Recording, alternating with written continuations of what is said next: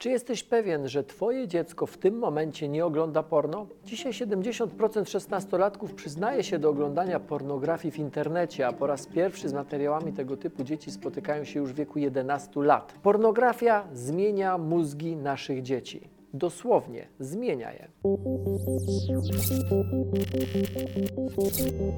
Nie ma wątpliwości, że technologie cyfrowe powodują, że nasze życie staje się wygodniejsze, bezpieczniejsze, a my możemy mieć dostęp do nieograniczonej bazy wiedzy. Inna sprawa, czy z niej odpowiedzialnie korzystamy. Ale technologie cyfrowe to także sporo zagrożeń, o których mówi się znacznie mniej.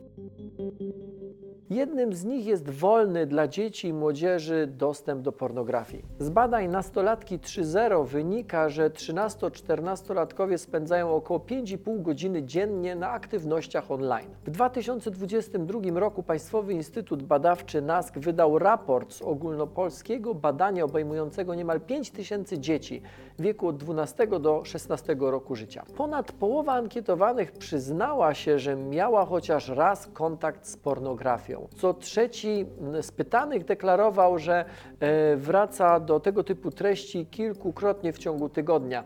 Co piąty przyznawał, że wraca do tego typu treści codziennie. Z badań wynika, że tym, co pcha dzieci do oglądania pornograficznych treści, są ciekawość, ale również presja ze strony otoczenia. Niestety z tych badań wynika także, że pornografia staje się dziecięcym sposobem na zabicie czasu. Nuda jest trzecim, najczęściej wskazywanym powodem, dla którego młodzież sięga po materiały erotyczne. I tu już się pojawia różnica, czy pojawiają się różnice w postrzeganiu tego typu materiałów przez starszych nastolatków i młodszych nastolatków. Szesnastolatkowie mówią, że oglądanie pornografii wywołuje w nich, u nich takie emocje jak podniecenie seksualne czy podekscytowanie, ale dzieciom młodszym między 12 a 14 rokiem życia znacznie częściej towarzyszy zawstydzenie, zakłopotania, często nawet lęk. Emocje skrajne, które przerastają możliwości poznawcze dziecka. Emocje, z którymi dziecko nie wie, jak sobie poradzić.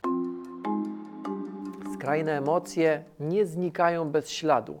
Osoby, które w młodym wieku miały kontakt z pornografią, trudniej nawiązują kontakty społeczne, wytwarzają słabszą więź ze swoimi opiekunami, są wycofane emocjonalnie. Czasami stan taki określa się jako emocjonalną pustynię, ale konsumpcja pornografii pozostawia po sobie nie tylko ślad emocjonalny, wywołuje także fizyczne zmiany w mózgu. Wielokrotny kontakt z treściami pornograficznymi pobudza te same ścieżki, na które oddziałują substancje uzależniające. Kontakt z pornografią wpływa na tak zwany układ nagrody, czyli na struktury w mózgu, które regulują nasz nastrój, pozwalają odczuwać przyjemność. Pod wpływem treści pornograficznych maleje liczba komórek budujących ten układ.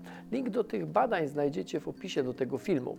Główną substancją aktywującą układ nagrody, takim nośnikiem informacji o tym, że w danej sytuacji czujemy się dobrze, jest dopamina. I tutaj pojawia się ważny mechanizm. Poziom dopaminy podnosi się, kiedy zaspokajamy głód, ćwiczymy, kiedy nawiązujemy relacje towarzyskie i gdy zdobywamy informacje. Każdy nowy obraz, y, krótki film, nowa treść odbierana przez media społecznościowe też uwalniają dawkę dopaminy. Mózg staje się łakomy, szuka okazji, żeby jak najszybciej dostać substancję, po której czuje się dobrze. Filmy porno tę potrzebę zaspokajają. Stają się łatwo dostępnym dealerem dostarczającym dopaminę. W realnym życiu dostęp do niej jest mocno ograniczony i żeby ją dostać, trzeba się postarać. Tak właśnie działa ten mechanizm.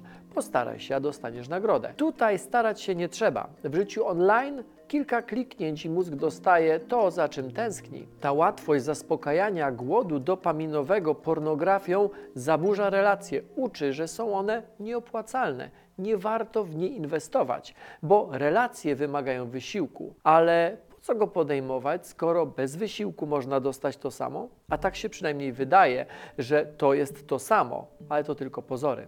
Dopamina w małych ilościach stymuluje mózg do działania, stymuluje nas do działania, nas mózg. ale zbyt często wyrzucana dopamina raczej bombarduje niż motywuje. Aby się przed tym chronić, mózg staje się nieczuły na odbierane bodźce. Po to, by go pobudzić, musimy zadziałać bodźcem silniejszym od tego poprzedniego. Tak jak osoby uzależnione od narkotyków bądź od alkoholu potrzebują coraz większych dawek, aby zaspokoić swój głód, tak mózg ludzi spożywających pornografię z czasem domaga się coraz bardziej ekstremalnych treści. Z badań, które też znajdziecie w opisie do tego filmu, wynika, że osoby, które regularnie stykają się z pornografią po kilku miesiącach, sięgają do obrazów wcześniej odbieranych jako brutalne i odrażające. Ten mechanizm szczególnie często występuje właśnie u dzieci i nastolatków. Co piąty nastolatek widział treści, w których osoby zmuszane były do czynności seksualnych wbrew własnej woli. To odbija się na sposobie patrzenia na świat przez młodych ludzi, utrwala w ich umysłach stereotypy na temat ról płciowych w społeczeństwie. Chłopcy mają wpajany taki obraz kobiety, która szuka brutalności w relacji z mężczyzną i która mówiąc nie, tak naprawdę ma ochotę i myśli tak. Dziewczynki wyrastają w przekonaniu, że jedynym motywem działania chłopców czy mężczyzn jest seks i że seks jest walutą, którą mogą się one posługiwać. Przekłada się to na relacje budowane w dorosłym życiu. Długotrwały kontakt z pornografią sprawia, że seks z partnerem staje się nudny i mało stymulujący. Osoby wracają więc do treści erotycznych, bo w nich łatwiej znajdują spełnienie swoich oczekiwań. Naukowo udowodnione jest, że sięganie do pornografii łączy się z utratą zaufania do współmałżonka oraz wyższym ryzykiem rozpadu związku. Badania dowodzą, że chłopcy, którzy mają częsty kontakt z treściami erotycznymi, częściej rozpoczynają życie seksualne przed 15 rokiem życia.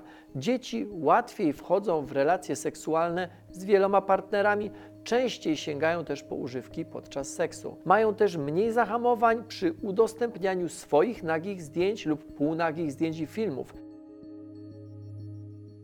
Badania Instytutu NASK wskazują, że co czwarty nastolatek jest pozytywnie nastawiony do przysyłania swoich intymnych treści, co piąty nie ma nic przeciwko takim praktykom. Treści, które dzieci pochłaniają wraz z pornografią, wypaczają postrzeganie ich własnych ciał, mimo tego, że w znacznej mierze młodzież wie, że oglądane obrazy nie oddają rzeczywistości. Na to też wskazują wyniki badań.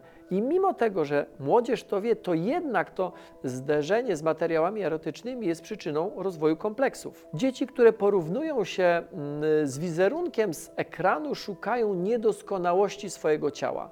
Dążą do tego, by spełniać sztuczne wymagania, co może prowadzić do zaburzeń odżywiania, anoreksji albo bulimii.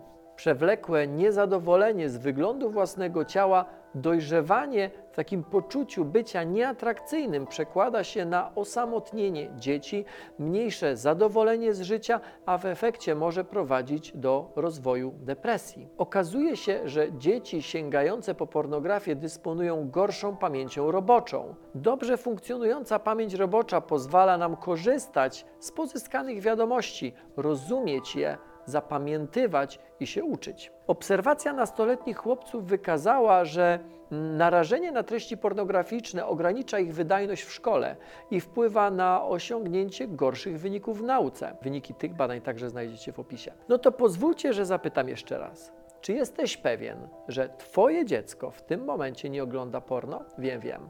Kontrola rodzicielska, dedykowane tryby blokujące dostęp do treści pornograficznych w przeglądarce, możliwość monitorowania telefonu dziecka przez telefon rodzica, jednak z badań wynika, że dla dziecka, dla nastolatka to wszystko nie stanowi większej przeszkody.